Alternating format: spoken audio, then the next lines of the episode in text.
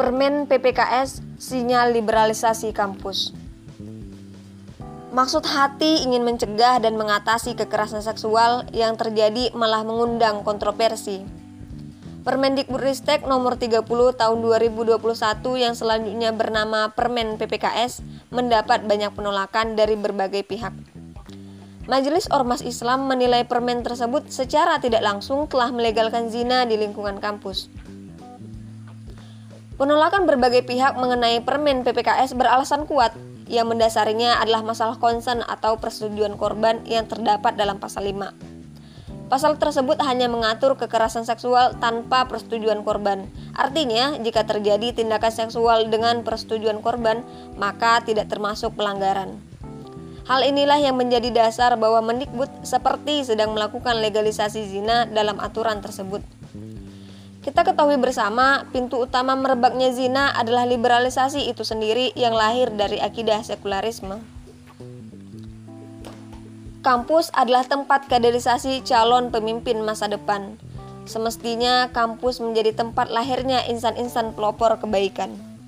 Kampus sebagai pusat peradaban yang akan lahir sumber daya manusia yang beriman, bertakwa, dan berkarakter mulia.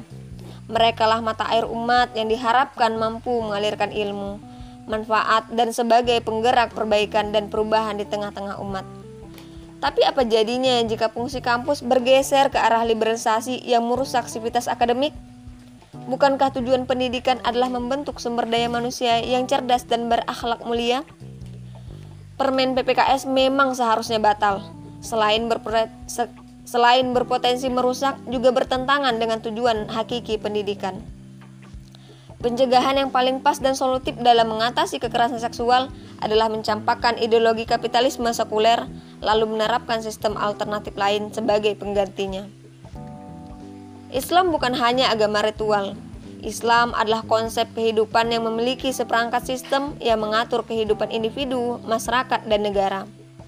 Dalam lintas sejarah, sistem Islam terbukti mampu mencetak manusia yang berkepribadian mulia dan melahirkan ilmuwan hebat yang berdedikasi tinggi. Kampus-kampus yang berdiri pada masa Islam berhasil menjadi mercusuar peradaban dengan segudang prestasi dan ilmu. Pencapaian ini belum pernah mampu terwujud oleh peradaban mana pun. Maka dengan menerapkan sistem Islam kafah, kampus akan menjadi pusat riset dan keilmuan bagi para pencari ilmu yakni insan-insan mulia yang mempersembahkan ilmunya untuk kepentingan umat manusia, bukan menjadi insan yang terbelenggu dengan kepentingan korporasi demi mengejar prestasi dan nilai materi semata.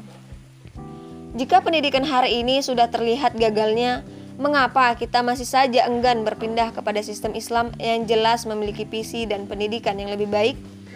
Bukankah syariat Islam sebagai penyelesai masalah umat manusia? Hanya dengan kembali menerapkan Al-Quran dan Sunnah, generasi ini terselamat dari kerusakan dan keterpurukan.